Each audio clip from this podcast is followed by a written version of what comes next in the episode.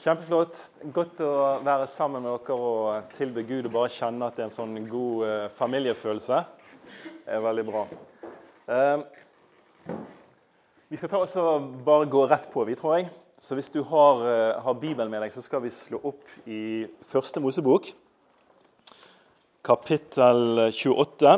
Og historien du finner, finner der, i Første Mosebok 28, det er historien om eh, Jakob som eh, flykter fra sin bror Esau. Du vet, eh, Jakob han eh, var en luring, og han lurte både førstefødselsretten, hele arven, fra sin bror, og så lurte han velsignelsen fra han. Og, og mamma hvisker Jakob noen ord i øret og sier at når, når far Isak er død, så kommer din bror Esau til å drepe deg. Så, så, hun sender eh, Jakob av gårde og sier 'flykt til onkel Laban' eh, i et land langt borte til ting har roet seg litt ned. Og Jakob han, eh, han flykter for livet.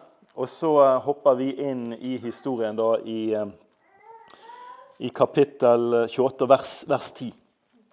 Så dette her er Jakob på rømmen for å berge livet pga. at broren står han etter livet. Jakob dro fra Bersheba og ga seg på veien til Karan. Da solen var gått ned, kom han til et sted hvor han slo seg til for natten. Han tok en av steinene der på stedet, la den bak hodet og la seg til å sove. Da hadde Jakob en drøm. Han så en stige som var reist på jorden og nådde til himmelen. Og se, Guds engler steg opp og ned på den. Da sto Herren foran ham og sa:" 'Jeg er Herren, din far Abrahams Gud og Isaks Gud.' 'Det landet du ligger i, vil jeg gi deg og din ett.' 'Din ett skal bli som støvet på jorden.' 'Du skal bre deg ut mot vest og øst, mot nord og sør.' 'Og i deg og din ett skal alle slekter på jorden velsignes.' 'Se, jeg vil være med deg og bevare deg hvor du går, og føre deg tilbake til dette stedet, dette landet.' For jeg skal ikke forlate deg, men gjøre det jeg har lovt deg. Da Jakob våknet av søvn, sa han, sannelig, Herren er på dette sted, og jeg visste det ikke. Da ble han grepet av frykt og sa, hvor skremmende dette stedet er. Her er Guds hus, her er himmelens port. Morgenen etter sto Jakob tidlig opp. Han tok den steinen han hadde hatt bak hodet, reiste den som en minnestein og helte olje over den. Han ga stedet navnet Betel. Før het byen Lus. Så ga Jakob dette løftet. Vil Gud være med meg og bevare meg på denne ferden, vil Han gi meg brød og spise og klær og ha på meg, og la meg komme vel hjem igjen til min fars hus, så skal Herren være min Gud. Denne stein som jeg har reist til en minnestein, skal være et Guds hus, og av alt du gir meg, skal jeg gi deg tiende. Så Jakob han, han, sover. Han har denne drømmen hvor Gud eh, taler til Jakob og sier at eh, det landet som du ligger i, det vil jeg gi deg. Og Ikke bare det, men Gud gjentar for Jakob de samme løftene som han hadde gitt til Abraham eh, tidligere. Finner det i kapittel 12, hvor Gud sier til Abraham at i deg skal alle sletter, slekter, alle etter, alle familier på jorden bli velsignet. Det er et enormt løfte. At gjennom deg, gjennom dine etterkommere, skal hele jorden oppleve velsignelse. Og Gud gjentar disse løftene til Jakob og sier at Jakob, i deg, ut ifra deg, i din slekt, skal alle familier på jorden bli velsignet. Og Så ser han denne, i drømmen av denne stigen som går fra jorden og opp til himmelen. Og så er det engler som går opp og ned på denne stigen. Og Så våkner han av søvnen og så sier han 'Herren er på dette stedet'. Og Dette er, dette er skremmende.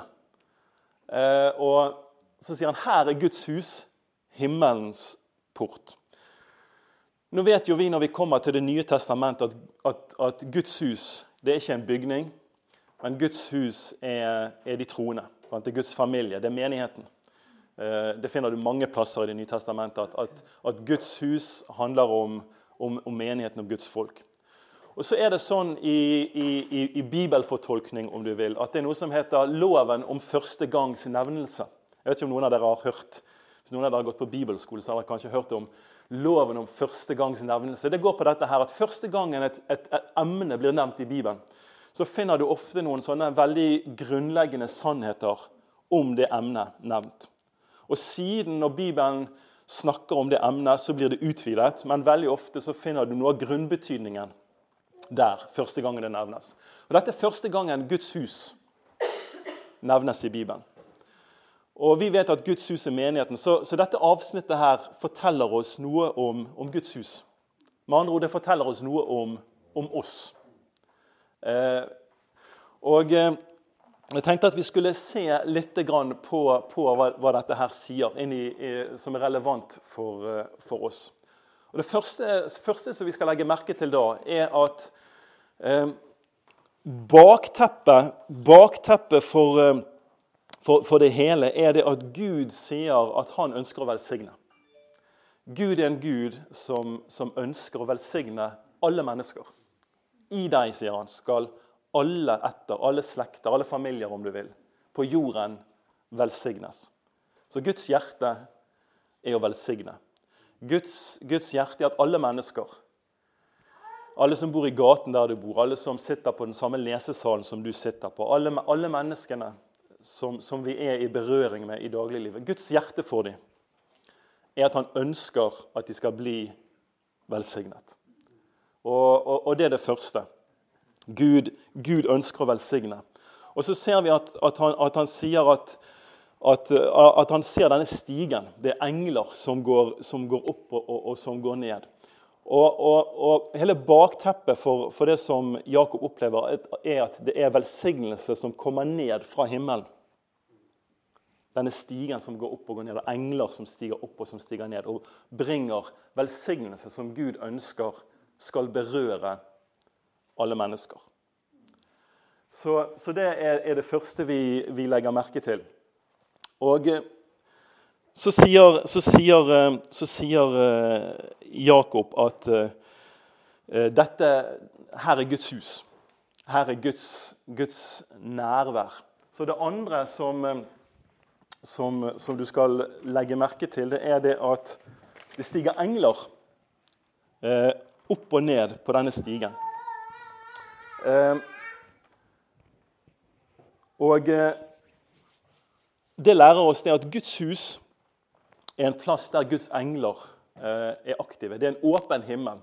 Hvis du blir med meg til Johannes kapittel 1, så finner du en, en eh, referanse til dette med Guds engler som stiger opp og stiger ned. Det er historien om Jesus og Natanael. Og eh, Historien der er det at eh, eh Vi kan lese fra vers, vers 43 der. Dagen etter ville Jesus dra til Galilea. Da fant han Philip og sa til ham, 'Følg meg.' Philip var fra Betzaida, den byen Peter og Andreas var fra. Philip traff Natanael og sa til ham, 'Vi har funnet ham som det står skrevet om i Moseloven og hos profetene.' Det er Jesus fra Nasaret, Josefs sønn. Kan det komme noe godt fra Nasaret? sa Natanael. Philip sa, 'Kom og se.' Jesus så Natanael komme gående og sa, 'Se, der er en sann israelitt, en som er uten svik.' 'Hvor kjenner du meg fra?' spurte Natanael. Jesus svarte, 'Jeg så deg før Philip ropte på deg, da du satt under fikentreet.' Da sa Natanael, 'Rabbi, du er Guds sønn. Du er Israels konge.' 'Tror du fordi jeg sa at jeg så deg under fikentreet?' sa Jesus. 'Du skal få se større ting enn dette.' Så sa han, 'Sannelig, sannelig, jeg sier dere:" Dere skal se himmelen åpnet og Guds engler stige opp og stige ned over menneskesønnen. Så Det siste Jesus sier her, Sannelig, sannelig, jeg sier dere, dere skal se himmelen åpnet og Guds engler stige opp og stige ned over menneskesønnen. I Jakobs tilfelle så var det engler som steg opp og ned over Guds hus for å bringe velsignelse ut til mennesker.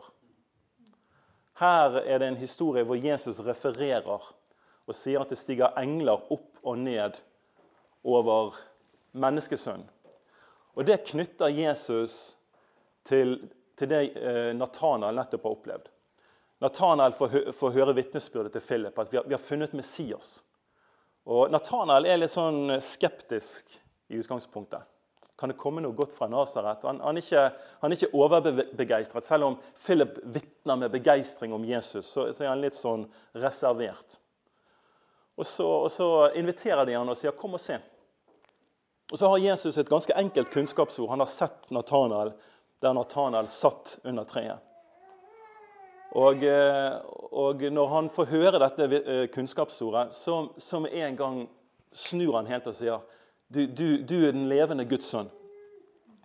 Så sier Jesus, 'Tror du fordi jeg sa det?'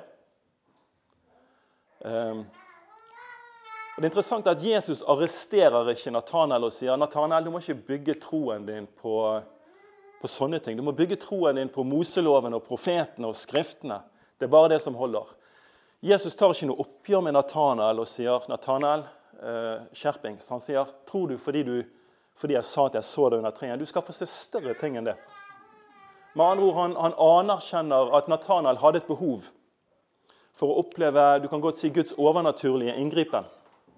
Og Det var faktisk med på å snu Nathanael fra å være skeptisk og litt reservert kan det komme noe godt fra Nasaret, til å Du er Guds sønn.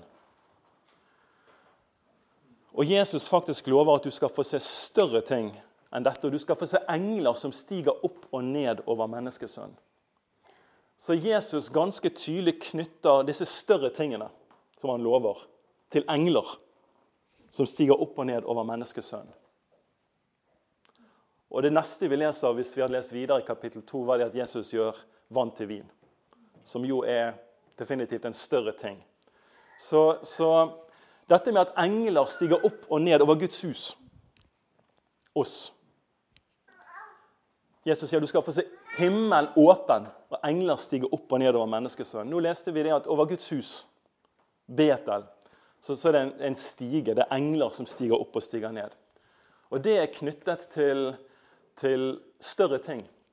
Det er knyttet til at mennesker trenger de trenger å høre vitnesbyrdene våre. Sånn som Philip vitnet for Nathanael og sa kom og, kom og vi har, vi har, vi har funnet Messias. De, de, trenger at vi tar dem til Jesus. Men de trenger òg å oppleve Mennesker rundt oss trenger å oppleve noe av det samme som Natanael opplevde. Nemlig en, en, berøring av at Gud så faktisk meg. Gud visste om min situasjon der jeg satt under tre. Ingen kunne vite om det. Det var et ganske enkelt ord. Det gode er det at nå har vi brukt litt tid her i dag på å høre fra Gud. Øve oss på å høre fra Gud. sant? Um, Gud er ikke noe mindre interessert i å tale når denne samlingen er over og, og vi spres og går hver til vårt. Og du treffer andre mennesker enn søsken i en ansetting. Gud er minst like interessert i å tale til deg om de på en, på en, måte som gjør at de kan få en opplevelse av at Gud ser meg. Og Jesus sier du skal få se større gjerninger enn dette. Jeg vet ikke om det, det begrepet 'større gjerninger' gir deg noen assosiasjoner. Men Jesus bruker det begrepet iallfall en gang til. Og Det er når han sier at vi som tror på han skal gjøre større gjerninger enn det han gjorde. Så Guds hus, oss, eh, det stiger engler opp og ned. Det er en usynlig realitet.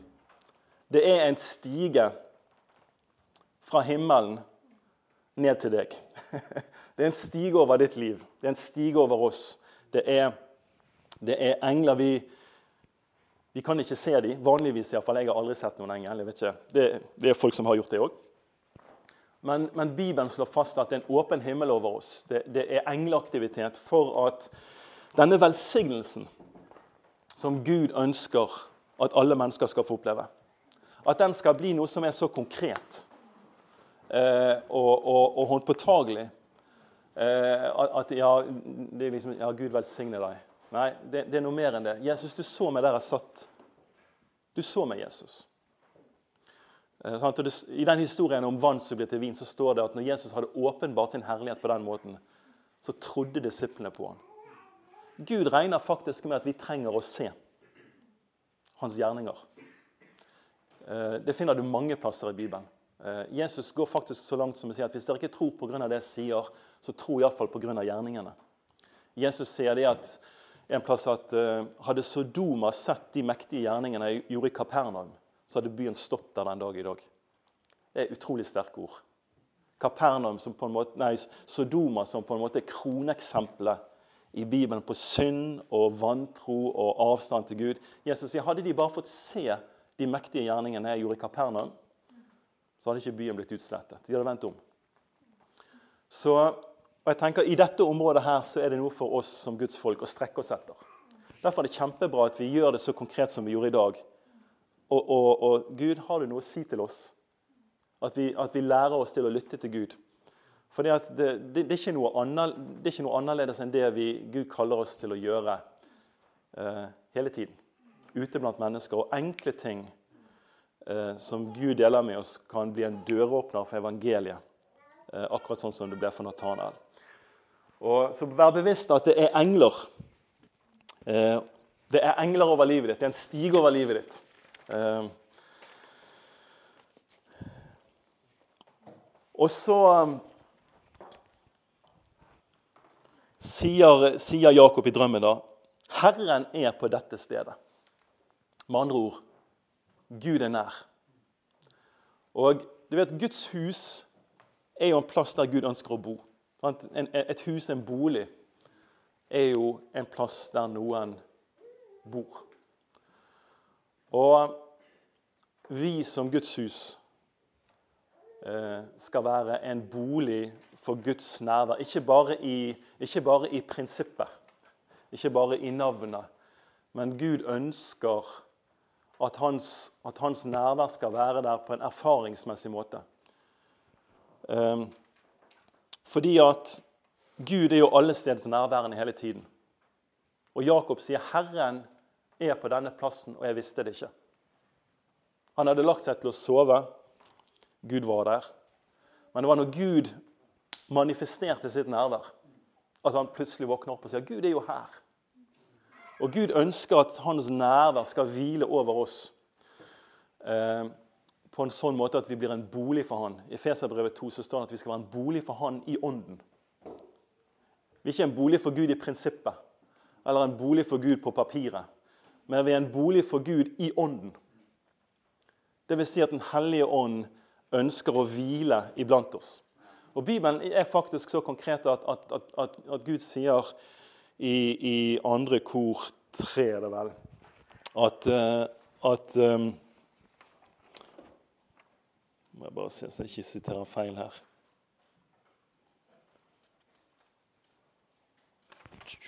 Ja, jeg tror det er andre kor tre. Iallfall du individuelt. Kroppen din er et tempel for Den hellige ånd. Den hellige ånd bor inni deg. Du, du bærer Guds nærvær med deg der du er. Eh, Guds hus er en plass der Guds nærvær kan kan, kan hvile, hvor mennesker kan få erfare det nærværet. Eh, og hvis vi ikke har Guds nærvær, så har vi egentlig ingenting. Da, da, da, da har vi egentlig bare um, en teori. Hvis, hvis, ikke Gud blir så reell at, at han hviler iblant oss. Så Moses han, når, når, eh, når, Moses fører israelsfolket fra, fra Egypten til Israel, så, så, så, sier han på et punkt at Gud, hvis ikke du går med oss, så, så vil vi ikke gå videre. Hvis ikke ditt nærvær går med oss, så, så vil vi ikke gå. Um, uten Guds nærvær iblant oss, uten Guds nærvær på en reell måte i livene våre, så, så har vi ingenting. Men det gode er det at vi har Guds nærvær. Guds, Gud har tatt bolig i hver og en av oss. Og Gud har tatt bolig i, i deg. Eh, så er det òg sånn at um, selv, om, selv om Gud bor i meg, Den hellige ånd bor i meg, så går det an å lengte etter mer. Um, I apostelgjerningene 7 så finner du at, uh, at de får beskjed om å velge ut syv diakoner. Og De får beskjed om å velge ut noen som var full av Den hellige ånd. Og så står det det at eh, De valgte ut syv stykker, og av de syv så nevnes Stefanus som en mann som var full av ånd og visdom. Så av syv, og kriteriet var at de var full av Den hellige ånd, så var det en som nevnes spesielt som full av Den hellige ånd. Og det, det, er med, det er noe med min og din hunger og tørst. Fordi at Jesus gir, gir oss alle en invitasjon. Han sier hvis du tørster, kan du komme til meg og drikke. Og fra ditt indre skal det renne strømmer av levende vann. Det, det sier han om Den hellige ånd. Så, så det, det, er en invitasjon til oss til å tørste. Så på, så på den ene side så er, er, du et Guds barn, så er du født av Den hellige ånd. Den hellige ånd bor i deg. Du er et tempel for Den hellige ånd. Og du, du bærer Guds nærvær rundt der du går til enhver tid. Og så ønsker, ønsker, Gud virkelig for oss at vi skal ha en, en, dyp hunger og en tørst etter mer som gjør at vi kommer og drikker. Sånn som når vi, når vi sto og sang i dag 'Takk, takk, Jesus'. Den beste måten å drikke på. Det er, ikke, det er ikke noe sånn hokus pokus, men når du sier 'Takk, Jesus', 'Jesus, jeg elsker deg', så drikker du av Den hellige ånd. Og, og han, han, fyller deg og forfrisker deg. Så det å leve et liv på en praktisk, enkel måte av å i, i, i takknemlighet. Eh, synge til Han i bilen eller på vei til bussen eller der du er i dagliglivet. La det være takk. Da drikker du av Den hellige ånd. Men Guds, Guds, hus er en plass der Guds nærvær er. Eh, og så sier, sier, Jakob at her er Guds hus, her er himmelens port. Eh, Vi er, en, vi er en port til himmelen. Du er en port. Guds hus, menigheten, er en port. Vi er, vi er en port på den måten at vi er kalt til å forkynne evangeliet. Eh, og gjennom forkynnelsen av evangeliet så kommer folk inn i himmelriket. Men vi er òg en port på den måten at Gud ønsker å la, la sin velsignelse og sin godhet berøre mennesker eh, rundt oss. Og det, det skjer eh, gjennom oss. Du er en port for at, at, Gud kan la den velsignelsen flyte ut. Du, du er et sånt treffpunkt for Guds velsignelse. Eh, hvor mennesker som ikke kjenner Gud, kan oppleve at, at du er en port som Guds velsignelse flyter, flyter ut gjennom. Eh, vi er bærere av, eh, av himmelriket i, i, hverdagen. Og Jeg har bare lyst til å se på eh, de siste, siste kvarterene. Bare et par, et par ting angående det, det å, å, være en sånn port. Det at du er en port for Guds velsignelse og for Guds liv til å, å flyte til, til, til, mennesker rundt deg. Eh, det første er at du er du er en sånn port for himmelen rett og slett bare i kraft av den du er. Uten å gjøre noe som helst. Um, fordi du er den du er, fordi du er et Guds barn. Fordi Den hellige ånd bor i deg. Fordi du er et tempel for Den hellige ånd.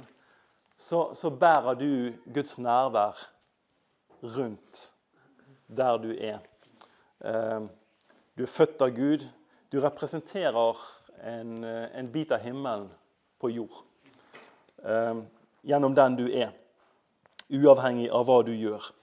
Og Når Gud ser på deg, så har han, eh, har han velbehag i deg. Gud, Gud, gleder seg over deg. Jeg har tre barn. Og de er ikke fullkomne. Og uh, vi kan ha våre diskusjoner, og de kan uh, gjøre meg eh, skikkelig temperamentsfull. Men det faktum at de er mine barn, gjør bare at jeg ser på dem med, med glede og varme i hjertet. Ganske enkelt fordi de er mine barn. Um, og, og jeg, jeg, er ikke blind for, for, for manglende og umodenhet og sånn, men, men, det er noe med at som, som, som foreldre, som far å, ja. Sånn er det med Gud i forhold til deg òg. Når Gud ser deg, det, det at du bærer hans gener Du uttrykker noe av hvem han er. Og Han ser på deg, og han gleder seg, og han er fornøyd. Og, og, og, og du er skapt i hans bilde, og, du er en som utstråler noe av Guds herlighet. Eh, ganske enkelt ved at du er den du er. Eh, jeg, jeg, skjønner det ikke helt sjøl, men av og til så kommer folk til meg og sier at ja, 'datteren din ligner sånn på, meg, på, på deg'. Eh, jeg, jeg, ser det ikke helt sjøl, eh, men andre gjenkjenner det. Jeg tror at folk kan gjenkjenne noe av Gud i oss. Eh, kanskje ikke vi føler det sjøl. Kanskje vi føler mer på alt som ikke minner så veldig mye om Gud i livene våre. Men Gud, folk kan faktisk få en, en smak av himmelen. Ganske enkelt gjennom at du er den du er. Det, det syns jeg er en oppmuntrende tanke. Jeg, jeg slipper å, å, stresse med å være noe, men, men folk kan få, opp, få, oppleve en atmosfære eller en smak eller en Bibelen snakker om en duft av himmelen. Du, du, du bærer med deg en duft fordi Gud bor i deg. Og det er en faktisk realitet. Det er ikke en idé, det er ikke, en, det er ikke et filosofisk konsept at Gud bor i deg. Kroppen din er et tempel for Gud. Du bærer Gud med deg. Eh, og folk kan catche det. Eh, en, en, annen side av, av, det her med bare å representere eh, velsignelse i eh, i hverdagslivet går, går, rett og slett på hele, hele, grunnholdningen vår til livet. Fordi at nå er vi på gudstjeneste. Eh, men vi, vi, vet alle det at det å, å, å, leve med Jesus det er noe vi gjør 24-7. Det er hele uken, hele døgnet. Eh, vi, vi, har ikke et, et, et, en kristen bit av livet og en, en hverdagslig eh, ikke-kristen bit av, eh, av livet. Så hele livet er gudstjeneste. Og så sier Bibelen det at eh, la alt dere gjør, alt dere sier eller gjør, skje i Herren Jesu navn, med takk til Gud, vår Far, ved ham. Så alt du gjør, skulle skje med takk til Gud. Det betyr ikke det at eh, når jeg spiste frokost i, morgen, så, i morges, så, så, sa jeg takk Gud for denne brødskiven. Så tok jeg litt smør og sa takk Gud for smøret og takk Gud for skinken. og Takk Gud for denne slurken med det, det, er ikke noe sånn tvangsmessig teknisk. Men det er, det er en, en, en, grunntone i livet. Det er en grunntone i livet av at kaffen her og fellesskap og alt, alt vi nyter, er gaver fra Gud. Sant? Det kom jo frem her når, når, vi ga takk til Gud. Takk for familie, takk for venner, takk for mange ting. Sånne hverdagslige ting. Så, så det er en grunntone i livene våre av at, at alt, Gud er alle gode gavers giver, som det står. Og, og, Da er det noe med at når vi lever med den takknemligheten til Gud, så, så blir hele livet en gudstjeneste. Og Hvis vi tar imot en gave med takk, så bringer det ære til, til den som har gitt gaven. Hvis, eh, hvis, eh, hvis jeg gir eh, Nå er det snart jul, og nå er det ikke jeg som kjøper en julegave hjemme hos oss, men Elin kjøper en julegave, og hun er veldig flink til å kjøpe julegaver som ungene setter pris på. Så er det en fest for oss som foreldre på julaften eh, å se at ungene åpner opp gavene og blir glad. Nå er det sånn i livet at Jo eldre du blir, jo færre gaver får du sjøl. Men det gjør ikke så mye, for det er en gave nok å se at ungene blir glad. De, de, du, du, ser det på dem, og de uttrykker det, og du vet at den der traff. Så en gave som tas imot med takk, bringer glede og ære om du vil, til giveren. Eh, og når vi tar imot Guds gaver i hverdagen med takk, så bringer vi ære til Gud. Så Sånn sett så burde vi som kristne være de største livsnyterne som fins. Jeg vet ikke hva du har planlagt å spise til middag i dag, men la oss si at du skal gå hjem og spise biff og pommes frites og bearnés. Nå velger jeg noe som jeg sjøl liker veldig godt. Pleier å drukne pommes fritesen i store mengder med bearnéssaus. Det er ikke akkurat helsekost, men uh, fryktelig godt. Så kan du sitte der sammen med familien din og, eller en venn eller for deg sjøl, om, det er sånn, og nyte det måltidet med mat. Og la det være gudstjeneste. For det du, det, dette er en gave fra Gud. Og du gjør det med, med en grunntone av takknemlighet. Og så er det en god ting også når du setter deg ned og spiser og takker Gud for maten. Men om du ikke gjør det, så, så er det en grunntone der, og så, så, spiser du det måltidet med, til Guds ære. holdt jeg på å si. Du kan ligge på stranden i 30 varmegrader med iPoden på øret, en kald cola og nyte livet til Guds ære. For det er en gave, For det er en gave fra Gud. Eh, du kan, du kan, nyte alt som Gud har tilveiebrakt. Og i det du gjør det, så velsigner du Gud. Det, det, det er en gudstjeneste. Så, så, vi som kristne eh, burde egentlig være de største livsnyterne. Eh, eh, og, og, det er noe i at da blir hele livet Hele livet blir en gudstjeneste og, og bringer ære til Gud. Eh, og Når du gjør det, så uttrykker du himmel på jord. Du er, en, du er en port. Siste som jeg har bare lyst til å, å, nevne, da må du slå opp sammen med meg i første Mosebok, kapittel 2.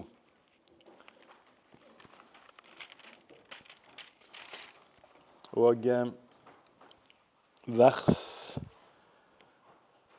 eh, Siste delen av vers 4 og vers 5.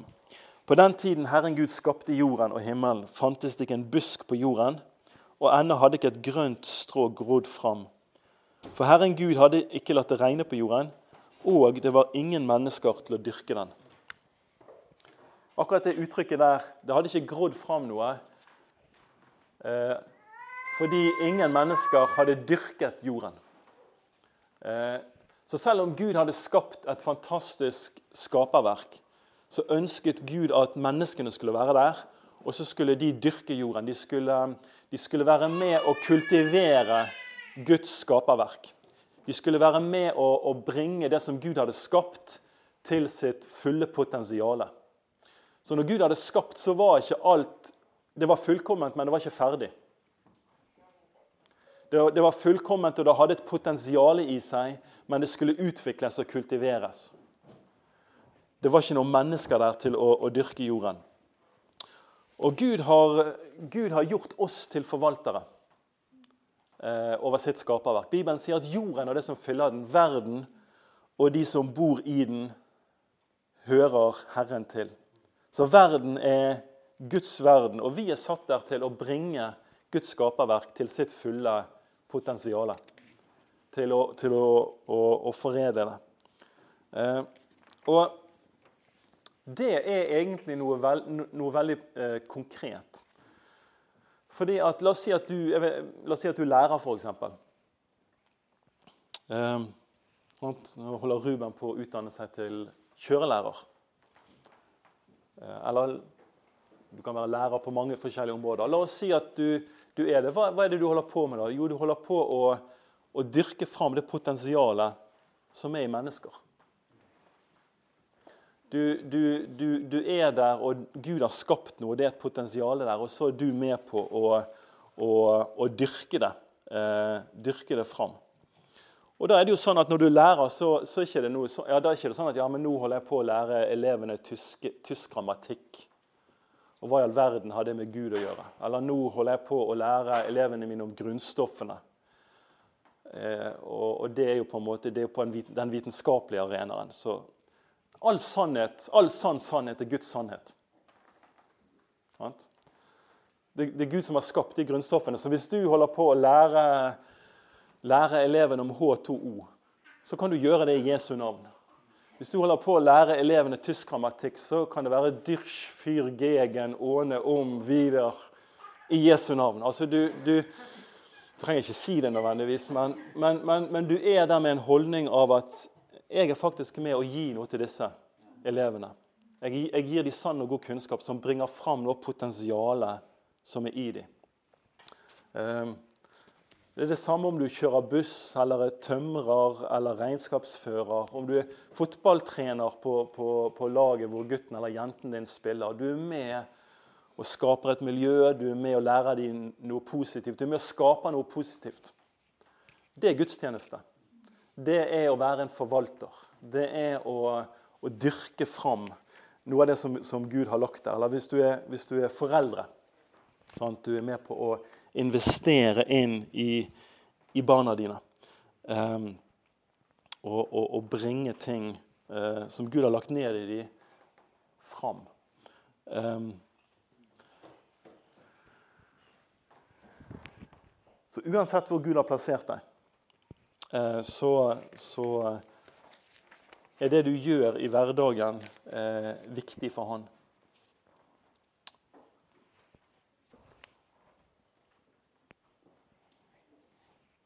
Vi skal ta og så runde av. Gud ønsker å velsigne menneskene som er rundt deg. Gud, det er en stige over livet ditt. Det er engler som stiger opp og ned over livet ditt. Jakob, Jakob reiste opp I drømmen så reiste Jakob opp en stein, og så salvet han den. Eh, og I Det nye testamentet så lærer vi at Guds hus består av levende steiner.